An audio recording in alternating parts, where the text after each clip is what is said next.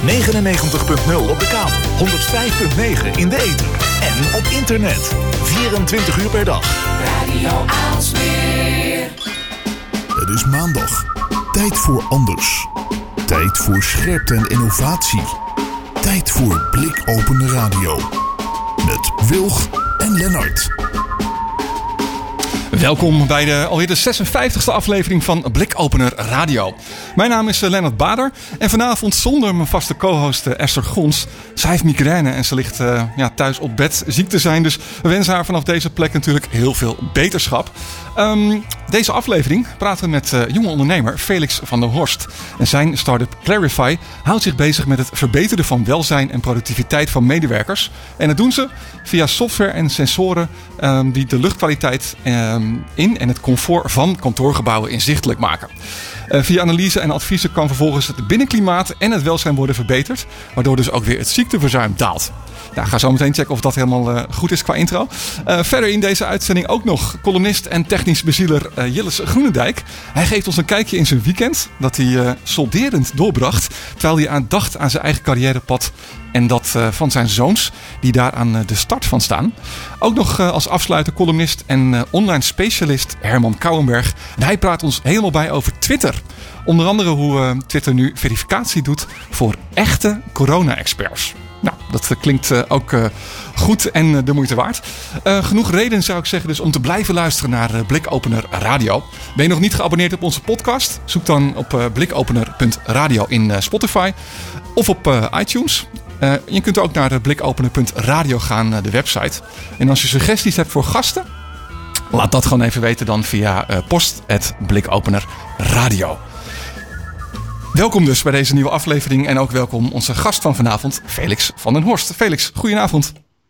Goedenavond Lennart. Ben ik uh, een beetje te verstaan zo vanuit huis? Ja, luid en duidelijk. Uh, want inderdaad, ook Felix is niet de gast in de studio, maar wel gewoon via Skype. Uh, ook te zien op televisie. En nou ja, wat gaaf dat je bij ons in de uitzending bent, Felix. Um, we beginnen altijd met een hele standaard vraag. Wie ben je en wat doe je? Zonder meteen alles al weg te geven natuurlijk. Ja, wie ben ik? Ik ben uh, Felix van den Horst, een 25-jarige uh, jongen uit uh, Hilversum. En ehm, ja, wat doe ik? Je hebt het zelf al een beetje weggegeven voor mij. ik heb een eigen bedrijf, het heet Clarify. En wat wij doen is het clarification proces, dus het verduidelijken van luchtkwaliteit in kantoorgebouwen. Want wat is nou eigenlijk het geval? Um, een aantal jaar geleden, toen ik nog in de collegebanken zat op de Universiteit van Amsterdam... Um, toen kwam het wel eens naar voren dat uh, menig student het af liet weten bij, uh, bij de hoorcolleges in bepaalde gebouwen.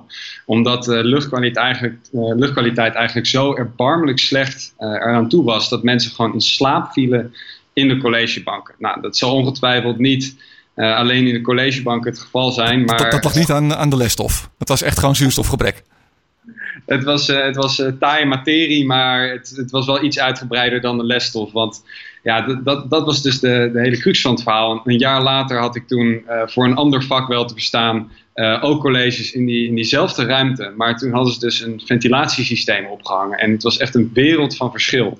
Waar mensen voorheen slapend in de bank lagen of gewoon weggingen en na de kerst wel voor het hertentamen opkwamen dagen, zaten ze nu in één keer gewoon fris en fruitig actief mee te doen. En uh, zag je ook letterlijk terug in de, in de eindlijsten dat, uh, dat de gemiddelde scores gewoon veel hoger waren. En er veel minder mensen onvoldoendes hadden en uh, terug zouden moeten voor een, voor een hertentamen. Dus ja, toen ik later een van mijn co-founders tegen het lijf ben gelopen, ja, toen hij het ging hebben over luchtkwaliteit, toen was het voor mij twee keer knipperen.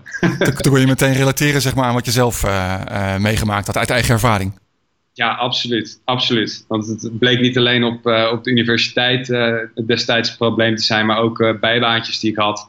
daar was het nog wel eens zo dat, dat de koppen koffie niet aan te slepen waren. Dus um, zo zijn wij eigenlijk begonnen om, om dat probleem inzichtelijk te maken. En ja, ik werk met een paar technici, dus dan is het vrij simpel. je gaat zoeken naar data en van, van meer meten kan je dus ook meer te weten komen om vervolgens uh, aan de hand van analyses naar uh, concrete oplossingen te werken. Dus dat is even in een, uh, in een notendop wat, wat ik samen met mijn collega's vandaag de dag doe. Nou, wat mooi. Um, ja, misschien een klein beetje open deur hoor, maar waarom is dat binnenklimaat eigenlijk zo belangrijk? Nou, het, het, het ding is, we staan er misschien niet heel erg bij stil, maar wellicht nu wel een stuk meer. Uh, gemiddeld gezien zitten we 90% van onze tijd binnen. Dus dat betekent in de auto, uh, op kantoor of gewoon thuis. Nou, die luchtkwaliteit die wij dus uh, als we binnen zitten inademen, die kan tot dusdanig veel slechter zijn ten opzichte van buiten. Terwijl over het algemeen het omgekeerde wordt gedacht. Weet je, je hebt die beelden in de media van dat in China mensen met mondkapjes rondlopen, of in India en dat die fijnstofgehalten zo hoog zijn. Of het RIVM dat natuurlijk zegt dat stikstof uh, zoveel in de lucht is. En dat klopt allemaal. Maar dat neemt niet weg dat het binnen ook nog wel eens een stuk erger kan zijn. En dat nog veel erger is eigenlijk. Ja, want het heeft dan te maken met dat we onze huizen steeds meer isoleren. En waar je isoleert, uh, ontneem je eigenlijk ook de natuurlijke luchtstroom die dus plaatsvindt in zo'n huis. En als gevolg daarvan stapelt bijvoorbeeld de CO2 door gewoon in- en uitademen of uh, uh, temperatuur in een ruimte gewoon veel meer op en, en fijnstof. dat, ja, dat, dat heeft niet echt een, een weg. Dus ja, als mensen pas weer een raam open gaan zetten of een deur, ja, dan ga je het weer merken. Van, we lopen wel naar buiten voor de frisse lucht. Uh, maar we zorgen er eigenlijk niet genoeg voor, voor onszelf dat ook, ook binnen aanwezig is. Dus uh, ja, vandaar eigenlijk dat er toch wel een redelijke urgentie zit achter het probleem. En helemaal als je het dan gaat hebben over, uh, over ziekteverzuim en dergelijke, ja, dan komt er wel het een en ander bij kijken. Ja, en als je, het is natuurlijk een, wat dat betreft een heel raar moment om het over klimaat op kantoor te hebben. Hè? Want iedereen, of heel veel mensen zitten natuurlijk nu thuis. Um, geldt dat thuis net zo?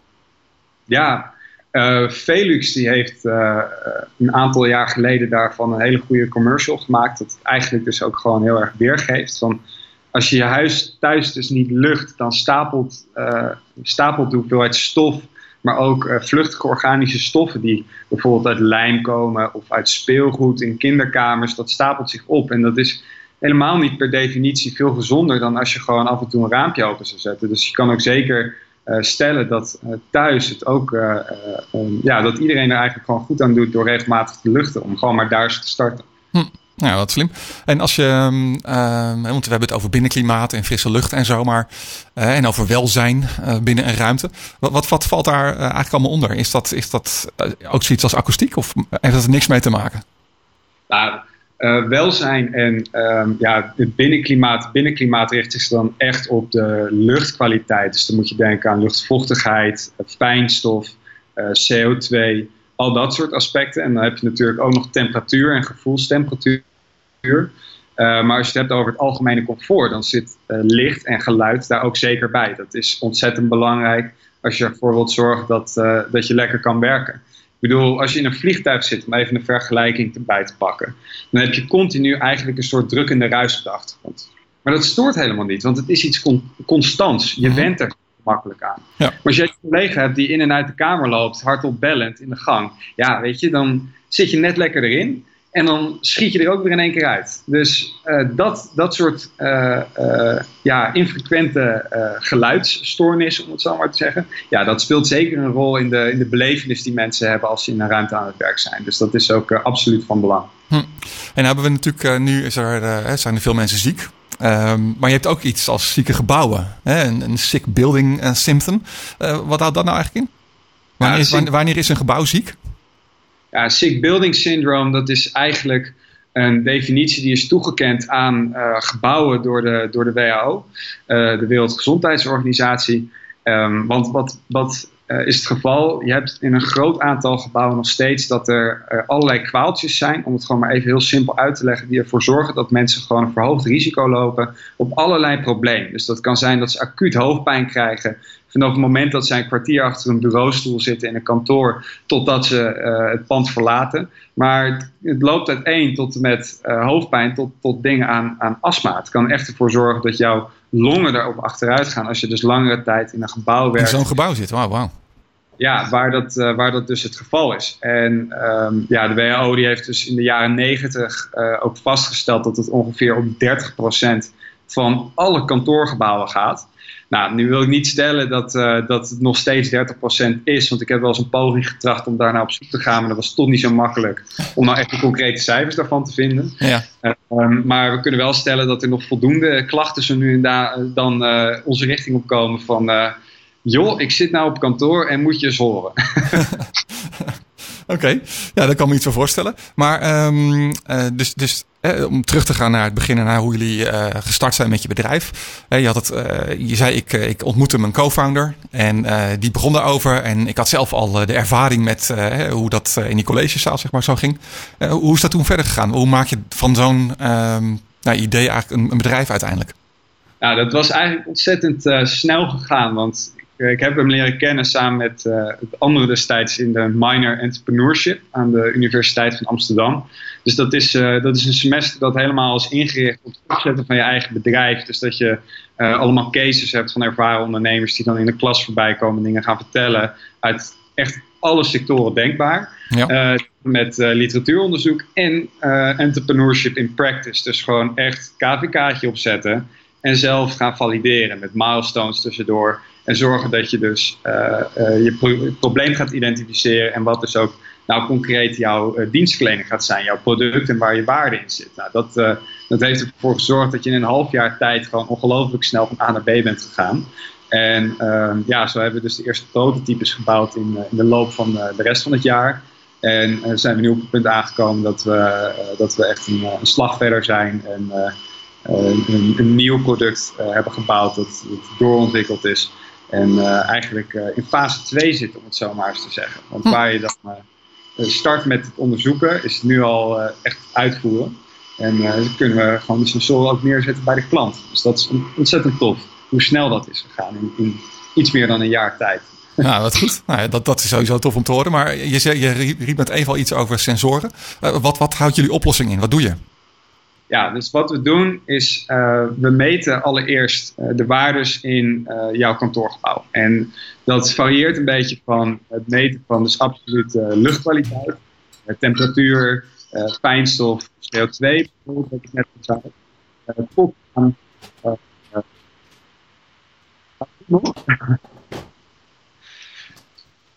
Lennart was even bezig.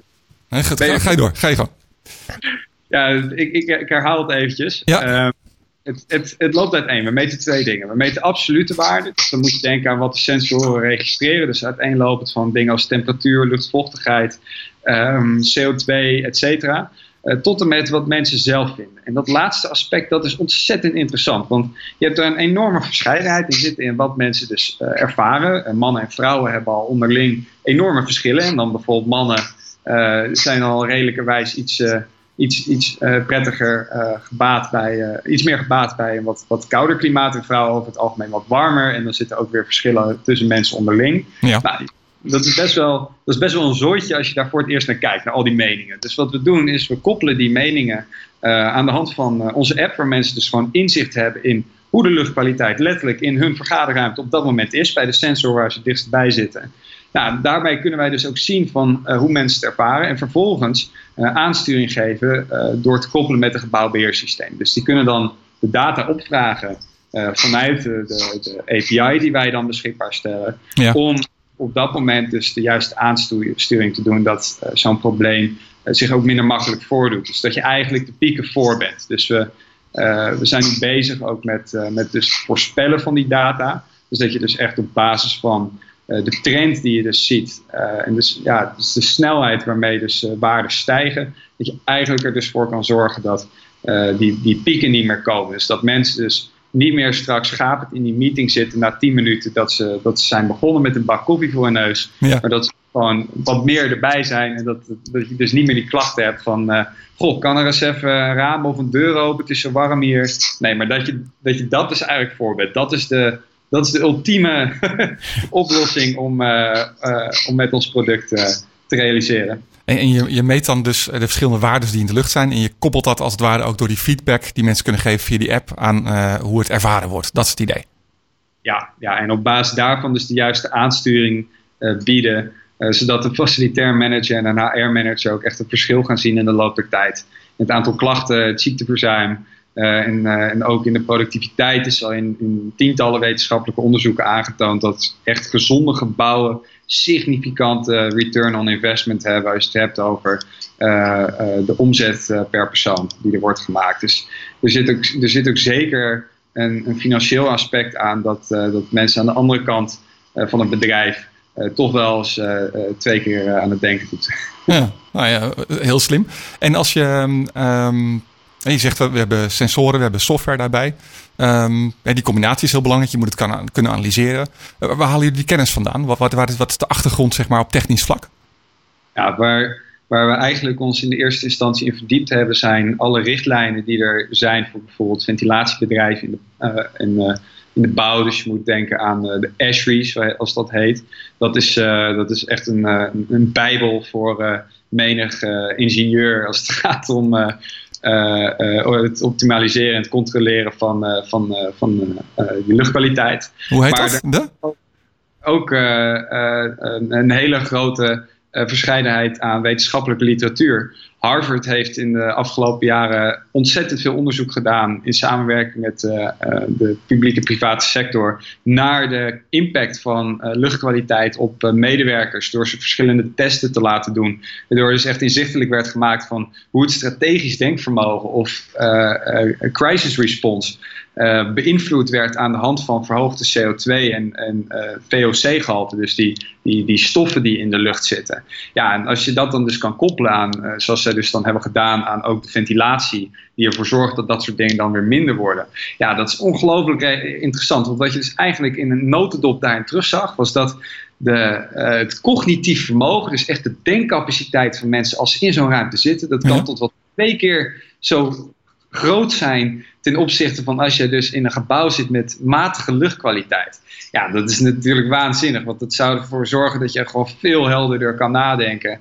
En uh, dus ook echt met betere resultaten komt. Ja, dat, vind, dat vind ik en mijn team, die vinden dat prachtig. Gewoon echt voor, voor zorgen dat mensen gewoon lekker in hun vel zitten. En aan het eind van de dag met voldaan gevoel naar huis kunnen gaan en denken van ja, ik heb echt gewoon uh, ik heb echt gewoon een topdag gehad. Gewoon, ik heb lekker gewerkt, ik zat goed in mijn vel. Uh, ik heb dingen voor elkaar kunnen krijgen en ik ga gewoon met plezier naartoe. En dat is zo belangrijk, want wij krijgen zelf ook heel veel energie met, uh, door met mensen te werken. En je merkt het waarschijnlijk ook wel aan mijn... Uh, ja, enthousiasme, ja. ja, dat, dat inspireren en voldoening halen uit je werk, dat zijn twee dingen die, die wij zelf ongelooflijk belangrijk vinden. En dus ook in het kader van onze onze klanten en wat we willen uitstralen naar andere mensen die we willen helpen, uh, echt als, als een prio zien. Hm. Hey, is het, uh, het is natuurlijk een. Uh, ik kan me niet voorstellen dat het niet helemaal. of dat het niet al eerder, zeg maar, dat er natuurlijk mensen, bedrijven zijn die hier op dit vlak mee, mee bezig zijn geweest. Wat, wat is het nou zodat het bij jullie anders is? Is het, is het nu moderne techniek? Is het iets wat nu kan, wat vroeger niet kon, bijvoorbeeld met inzichtelijk maken? Ja, er zijn inderdaad al een aantal andere partijen uh, in de markt voor ons geweest. Uh, ook als je gaat kijken naar de consumentenmarkt, want wij zitten dus voornamelijk in de B2B. Um, ehm, dan zie je dat er ook een aantal producten zijn. Nou, we zijn ook gewoon gestart met de oriëntatie van hè, wat, wat vinden we daar. En we hebben ook een aantal gekocht om gewoon maar eens te gaan testen. En uh, er zijn ook veel onderzoeken geweest die dus die sensoren naast elkaar leggen. Ja. Nou, en wat je ziet is dat er nog best wel een verschil zit in de kwaliteit van de data. Dus Ehm, om echt met goede adviezen te kunnen komen, moet je een bepaalde frequentie hebben en een bepaalde datakwaliteit om te kunnen leveren, om überhaupt uh, uh, tot, tot, tot de bare essentials te komen. Nou, en vervolgens, stap 2 die we dus doen, is, is de combinatie in de algoritme op de achtergrond. die ervoor zorgen dat we, dat we ja, wel degelijk tot, tot betere resultaten komen dan de gemiddelde concurrent of product dat je op de consumentenmarkt kan vinden. Um, het is niet zo dat we, uh, dat we zomaar het, het, wiel opnieuw willen uitvinden. Want uh, ja, weet je, werk wel met IT'ers, zijn af en toe een beetje koppig, maar ja. ze stom. Dat, is ook een beetje zonde natuurlijk. nee, dat is, dat is helemaal waar. Um, als je nou, uh, dit is nu eigenlijk na studie meteen, rol je in zeg maar qua bedrijf. Is dit, is dit wat je vroeger wilde worden? Ondernemer. Ja, ik heb altijd wel een beeld gehad bij mezelf dat ik, dat ik graag dingen zou, wil, eh, zou willen uitvinden en uh, uh, echt iets, iets neer wil zetten. Ik hou heel erg van maken. Ja, en als je dan echt teruggaat naar de tijd van de, van de kleine kinderschoenen, ja, dan, dan zal ik ook geregeld in de, in de knek zoeken met de Lego alleen maar dag in dag uit te bouwen. Dus het is ook niet zo heel erg gek uh, dat, uh, dat, dat ik hiernaast uh, in, in, in dit soort dingen ben gerold met, met Clarify. En dat dat ondernemerschap toch wel echt is gaan bloeien bij mij. Dat, ja. ja. dat is een hele logische lijn die ik bij mezelf wel kan, kan terugzien. Wat maakte je vroeger? Als, je zei met, met technisch Lego, Knex, dat soort dingen maken. Wat, wat was het, waar het apparaat of wat, wat deed je? Oh, Oh, om even een voorbeeld te geven wat dan wel echt een, uh, een leuke is. Op, ik, ik zat vroeger op een naschoolse opvang. En uh, ja, dan ging je daar om een uurtje of drie naartoe. En dan zat je daar tot een uur of zes of uh, half zeven als je ouders je kwamen ophalen naar werk. Nou, ik heb daar wel eens tijden gehad dat ik gewoon een kruisboog in elkaar heb gezet met kneks. Met een elastiekje erbij. en van die potloodjes door de lokaal kon schieten, 20 meter verder. Ja, dat vond ik toch wel mooi. En dat hij ook echt een soort klikker had. Uh, um, ja, dat, dat, soort dingen vond ik erg leuk. Of uh, uh, dat, je, dat, je, dat je hele kabelbanen ging bouwen door zo'n, door zo'n kamer heen. En daarover allerlei dingen liet rollen, voorwerpen. Ja, dat, ja dat, dat, dat soort bouwen en kijken van hoe mechanismes dus werken. En echt met, um, ja, met, met flow met voorwerpen, dat vond, ik wel, dat vond ik wel altijd heel erg interessant. En heb je toen zeg maar, op basis daarvan ook een beetje bedacht van nou, dit is, uh, dit is een goede studie voor mij en, hier ga ik in, in door of wat, wat, wat is je pad toe geweest daarna?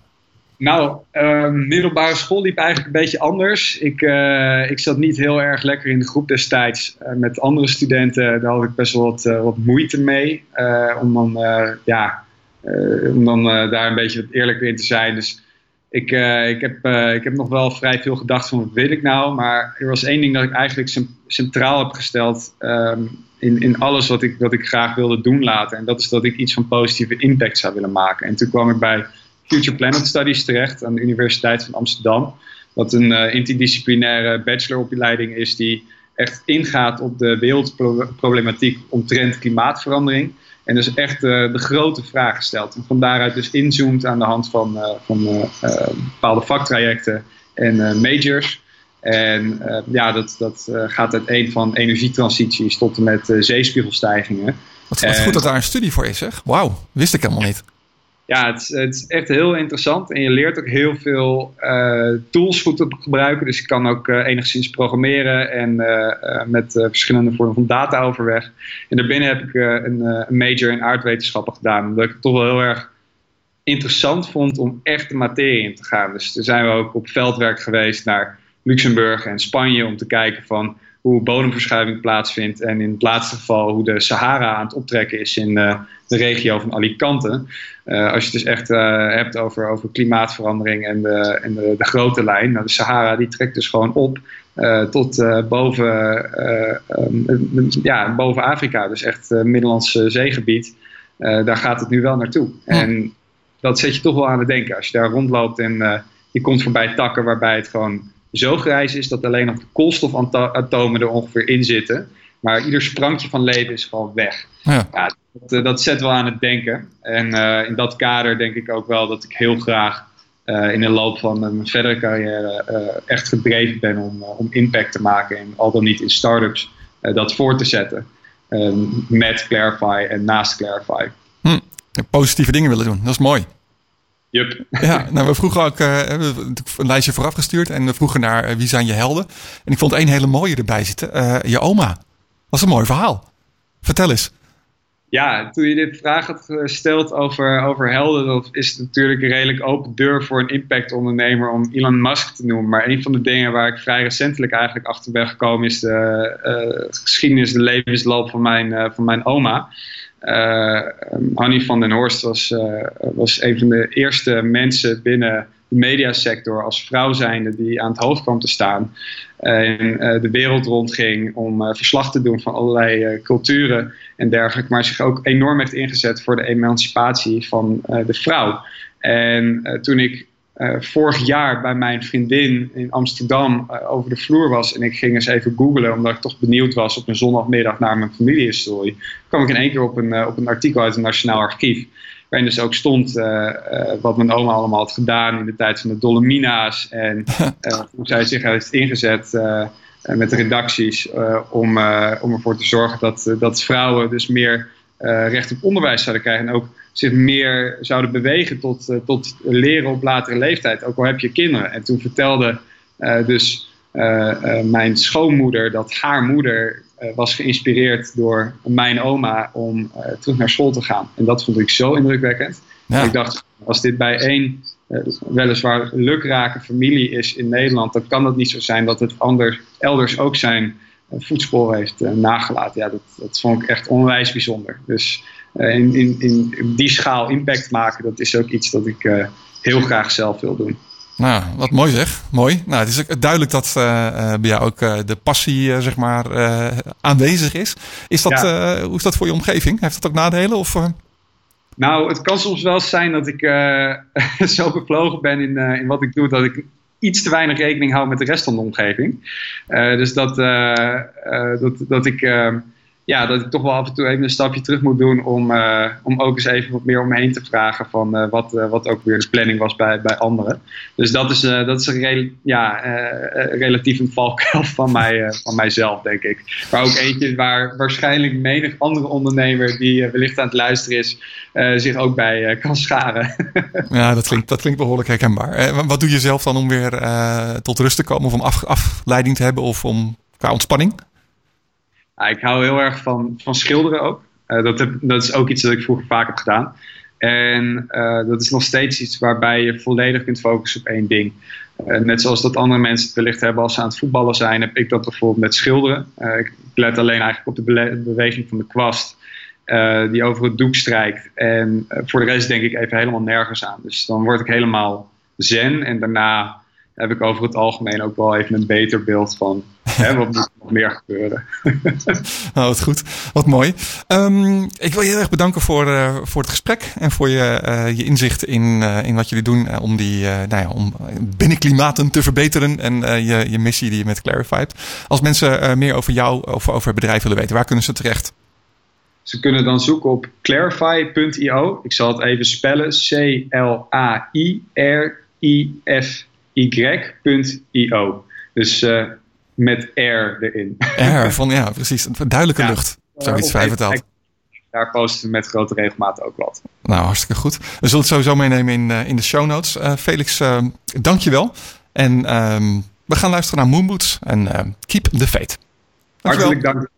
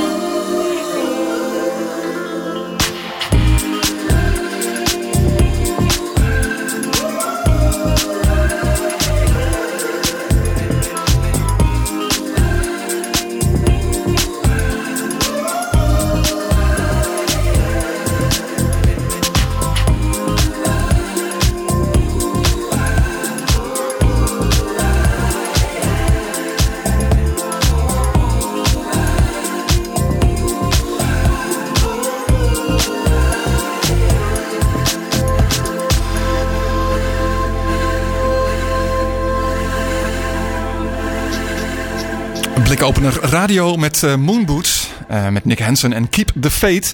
Um, en het is tijd voor onze technisch bezieler en columnist uh, Jilles Groenendijk. Jilles, goedenavond. Hey, goedenavond Leonard. Nou, wat fijn dat je ook weer bij ons in, in de uitzending bent. Um, waar gaan we het over hebben? Ik vind het zo mooi. Je kijkt me nu aan en uh, we hangen net op. Mijn computer, ik ben, uh, ik zit zeg maar lekker in de IT. Ja. En mijn computer die crasht gewoon, dus we kunnen elkaar niet eens met beeld zien. Super jammer. Nou. Uh, maar we gaan het over mijn weekend hebben. Dus laten we ermee beginnen. Ga je gang. Oké. Okay. ik ben aan het werk vanaf thuis, zoals zoveel momenteel. Ik werk samen met collega's.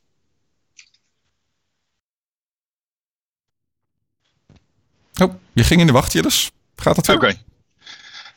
Uh, ik werk samen met collega's die ergens anders in het land of zelfs in de wereld zitten. Hoor je me? Ja, gaat goed. Oh, oké, okay, oké. Okay. Uh, ondanks dat het op afstand samenwerken met collega's in, in ons DNA toch. Ik hoor een heel erg echo, sorry hoor. Ik, ik heb. Uh, zonder camera, misschien gaat het zo beter. Oké. Ik ben aan het werk vanaf thuis, zoals zoveel momenteel. Ik werk samen met collega's die ergens anders in het land of zelfs op de wereld zitten. Ondanks dat het op afstand samenwerken met andere collega's in ons DNA zit, is het nu toch anders. We maken bijvoorbeeld vaak gebruik van beeldbellen. Het sociale, hoe gaat het met je aspect, neemt nu nog een prominentere plek in. Aan het einde van elke werkdag hebben we een jamboree. In een call met zo'n 200 man houden we de vinger aan de pols. Hoe gaat het met je? Is er iemand die iets nodig heeft? Heeft iemand nog iets leuks te vertellen of misschien zelfs te presenteren? Een uitje met de zaak gaat niet door. Maar de soms heel persoonlijke lezingen die dagen gegeven zouden worden, kunnen hier prima in afslagvorm worden gedaan. Dit zorgt voor afleiding, geeft nieuwe inzichten en is fijn in deze tijd van lockdown. Morgen ben ik. Recruiting Kids in Kindergarten is de uitdagende titel. Ik moet hem nog maken trouwens. Net als deze column. Uh, om uh, één uur vroeg Lennart waar die over ging. Ik had nog geen idee. Dat komt wel als ik hem schrijf, vertel ik hem. Normaal gesproken uh, zou ik zeggen over mijn weekend natuurlijk. Dat lijkt inmiddels een dingetje te gaan worden. En misschien zeg ik dat ook wel, over mijn weekend. Dit weekend heb ik namelijk gesoldeerd. 72 microscopisch kleine componentjes op een printplaatje. SMD heet dat. Surface Mount Device. Dat is een componentje dat je met soldeerpasta of soldeer aan de bovenkant van een printplaatje vastmaakt. In tegenstelling tot PTA, pin-through hole, waar je allemaal eilandjes op zo'n printplaatje hebt zitten, met een gaatje in het midden waar de pootjes van een component doorheen moet en die je dan vervolgens aan de onderkant vastmaakt. En dat heb ik eigenlijk mijn hele leven al gedaan. Er is een 10.000 uur regel die zegt als je iets 10 jaar of 10.000 uur hebt geoefend, dat je dan de top kunt bereiken.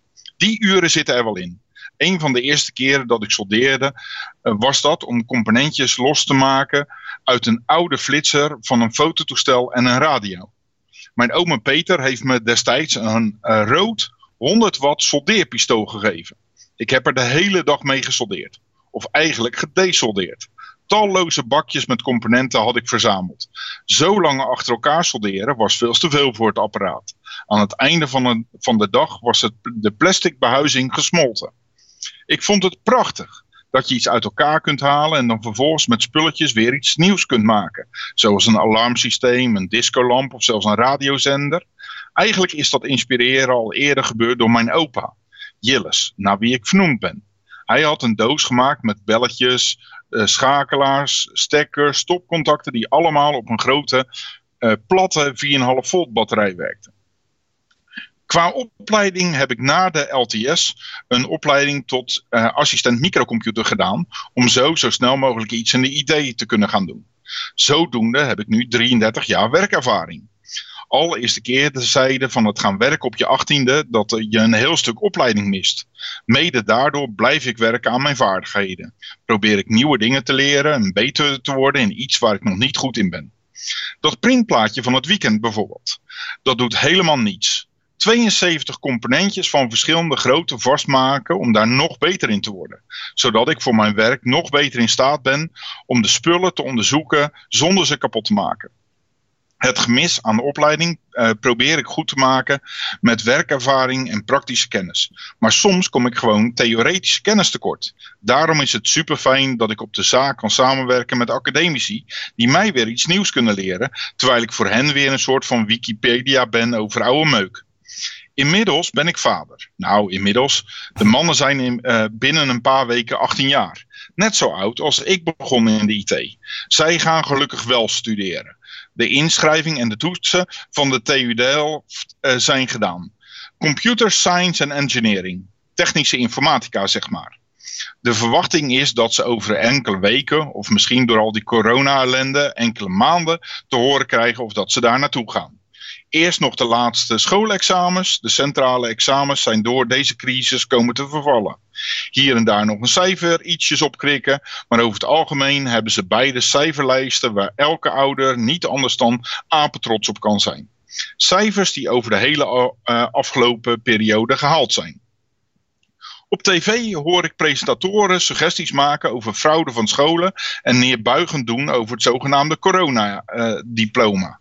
Alsof je op Saba je rijbewijs haalt door een rondje om de rotonde te rijden. Woest word ik ervan. Alsof zes jaar inspanning in één keer teniet gedaan wordt. Als ik het met de jongens over heb, we heb over wat zij ervan vinden, hoor ik dat hele VWO-examen is alleen maar een entreebewijs voor de Unie. Als je je master op zak hebt, kraait er geen haan meer naar. Toch blijf ik er boos over. Ik ben trots op de jongens en deze houding doet er afbreuk aan. Aan de andere kant zie je ook mooie dingen, zoals een super lief persoonlijk berichtje van de mentor op school. Hij spreekt zijn vertrouwen uit en geeft nog wat extra motiverende tips. Naast het werken, uh, naast de laatste loodjes van de VWO werken de jongens uh, voor voordat de supermarkt opent en nadat deze gesloten is als vakkenvullers en schoonmakers. Ze verdienen er een leuk zakcentje mee. Met dat geld dat ze verdiend hebben, hebben ze een Oculus Rift S gekocht. Samen met mij. Een virtual reality headset waarmee je kunt gamen. Eerder hadden ze al de voorganger en de eerste op de markt, de DK2. Maar deze zeven jaar oude headset, waarmee je met een tros kabels aan de PC vast zat, is nu alleen nog maar goed voor een passieve beleving. De nieuwe, controller, een nieuwe set heeft een controller waarmee je met je handen en armen kunt navigeren in een virtuele wereld. En zelfs kijken naar de echte wereld door middel van de camera's die erop zitten. Zelf heb ik hem nog niet gebruikt. Ik zou zelf graag het vervolg op Half-Life, Half-Life Abyss of de Room VR, een escape room, willen proberen. Maar vooralsnog laat ik de jongens ermee spelen en ben ik bezig op een oude Wii. Dansen met konijntjes of rondslingeren van koeien, doordat ik uh, een enkele keer in de week voor boodschappen naar buiten ga, merk ik toch dat een beetje beweging wel handig is. Dat was hem. Mooi. Nou, het gaat zo snel joh, je zoons. Ja, ja, het is bizar snel. Je knipt met je ogen. En uh, ja, de, de volgende fase breekt alweer aan. Nou, inderdaad. Ja, en, en tof dat jullie samen zulke mooie dingen doen, Jillis. Wat leuk altijd om te horen. Ja, dankjewel man. Ja, te gek. Uh, als mensen uh, jou willen volgen op de socials, hoe doen ze dat? Twitter, Jillis underscore Hartstikke mooi. Jillis, dankjewel. Graag gedaan.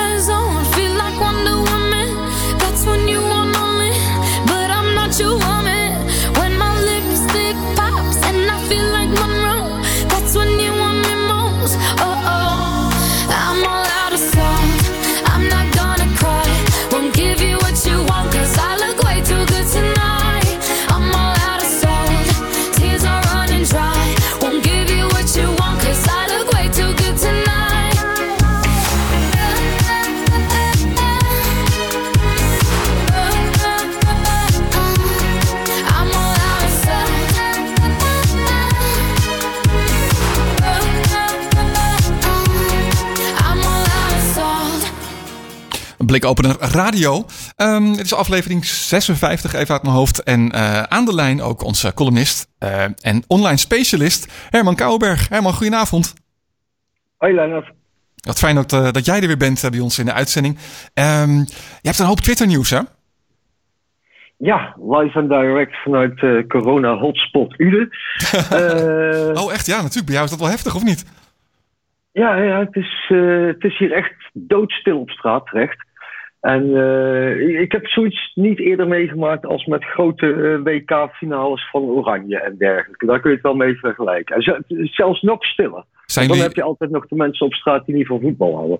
Dat, dat is waar. Maar zijn er jullie extra strenge regels?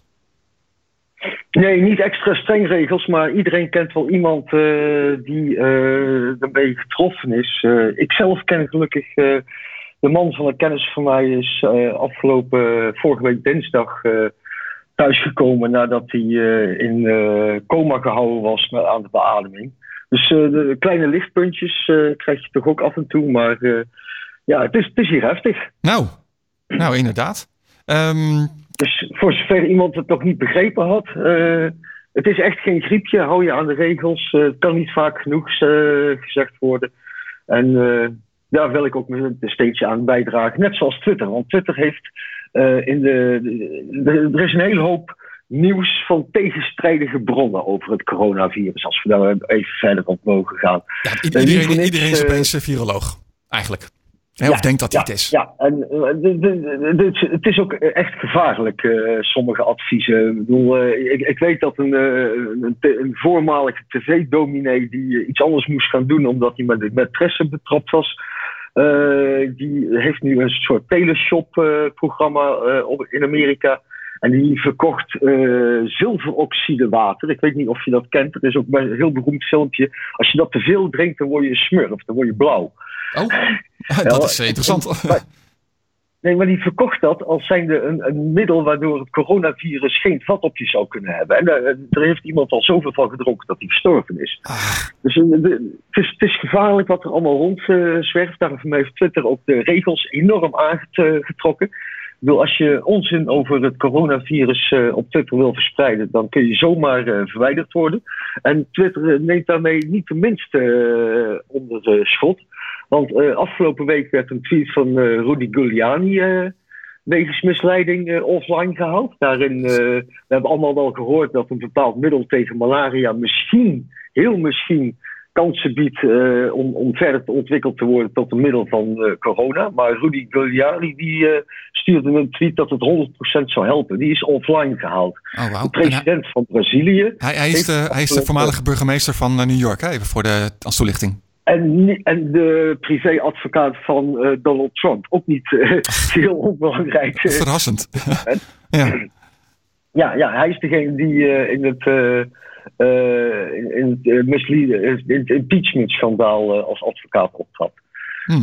maar de president van Bolsonaro, niet toevallig ook een goede vriend van Donald Trump, die is ook tegen Twitter-regels aangelopen en die heeft twee tweets die uh, verwijderd zijn, uh, die hij afgelopen zondag plaatste. Eentje daarvan was een video dat hij op een drukke markt rondliep en mensen aanspoorde om weer aan het werk te gaan.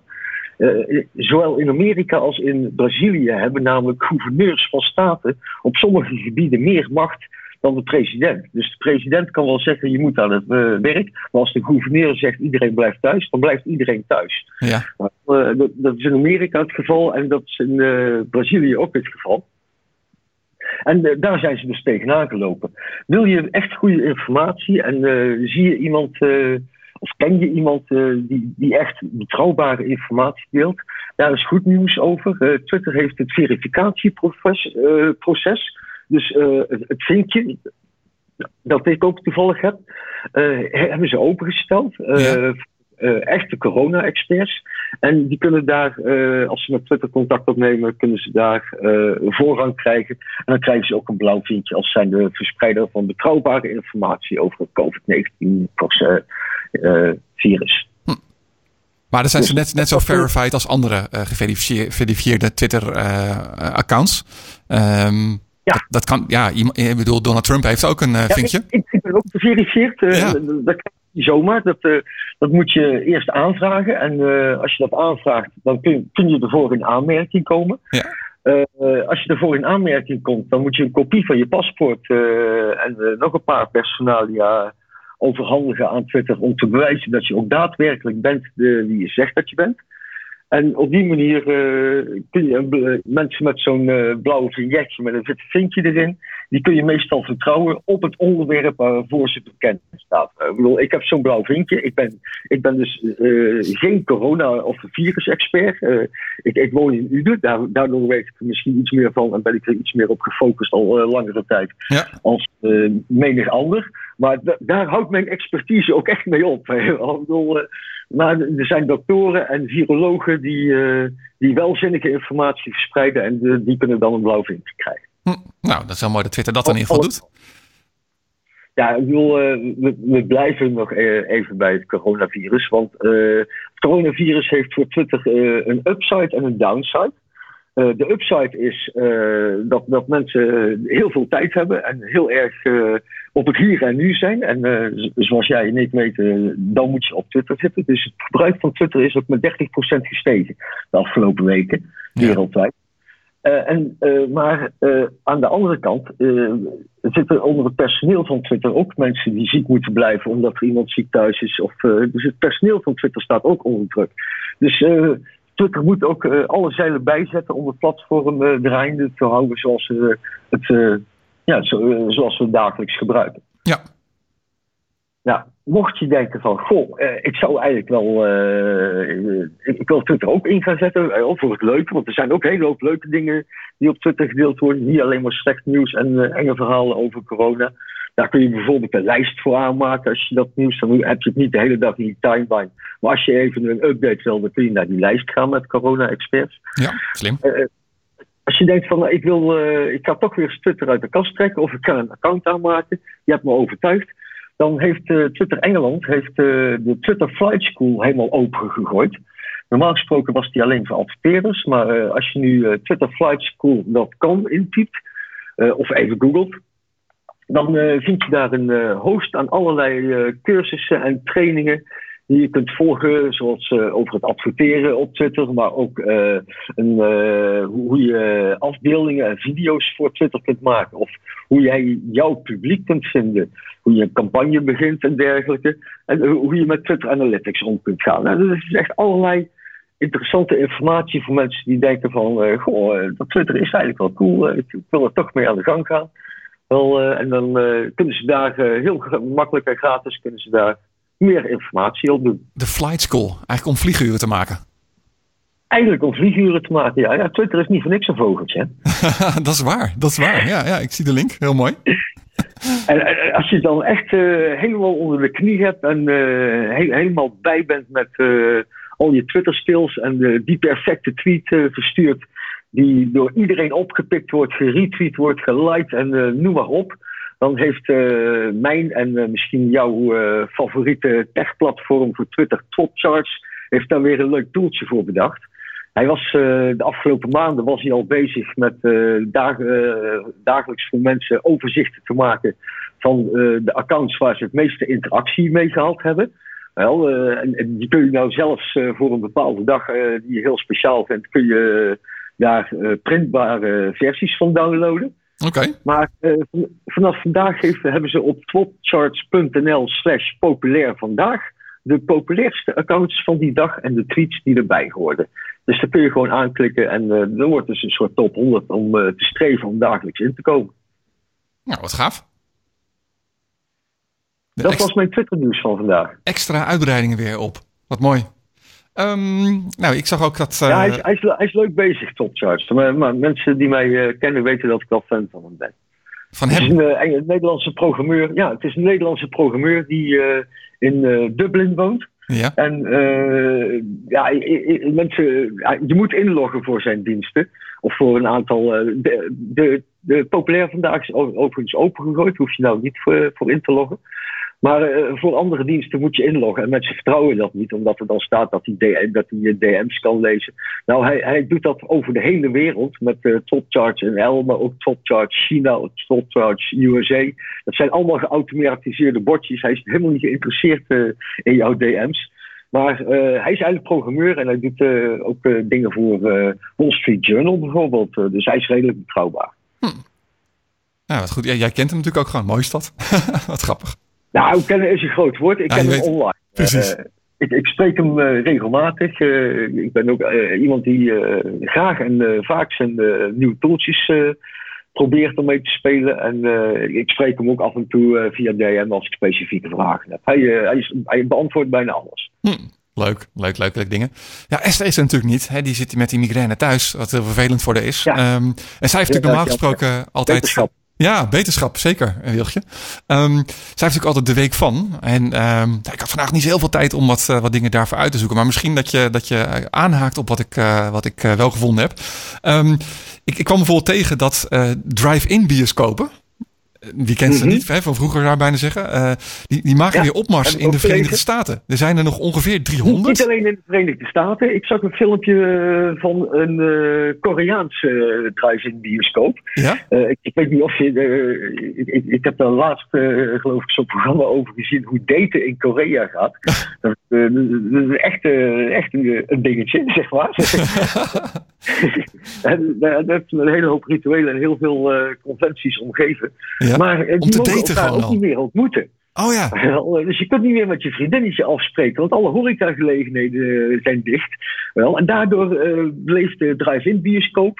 Wel, en je kunt natuurlijk ook met je eigen partner gaan. Wel, eh, ik, ik, ik, ik, ik las het, ik zag het en ik had ook gelijk weer zin in. Je ziet het in de zomer ook wel eens her en der in het land. Klopt. Dus ik hoop dat al die ondernemers het, Ja. eh, de handschoen oppakken en eh, in Nederland ook overal drive-in bioscopen gaan organiseren. Ja, het is eigenlijk wel een goeie, omdat als je eh, ook eh, ja, met festivals gaan natuurlijk niet door en dat soort dingen. Als, als je inderdaad vanuit de auto iets kan doen en een dat film kan kijken. Je kunt zo natuurlijk ook optreden, hè? Ja, Ik, ik, ben, ik weet niet of ik het ooit heb laten vallen. Nou, voor de anderen is het misschien nieuws. Ik ben 53. En ik heb ooit uh, Einstürzende Neubauten, een, een band die in de punk new wave periode heel erg populair was, heb ik zie- ooit zien optreden ja. eh, in de Amsterdam Eihaven op een marine patrouilleboot. ja, dat was echt buiten, op een marine patrouilleboot, ja, die, die daar eh, bij het museum, eh, of het Scheepvaartsmuseum in Amsterdam in de kade lag. ja. Daar is de band over verdeeld. En voor en na het optreden draaiden ze daar Metropolis van Frits Lang eh, over die mar- marine patrouilleboot. Dus eh, het is van alle. eh, ik weet niet of je die film kent. Het is een Nee. hele utopische film over. Oh, daarin wordt de eerste robot, geloof ik, ook gepresenteerd. Het is een zwart-wit film zonder geluid. ja.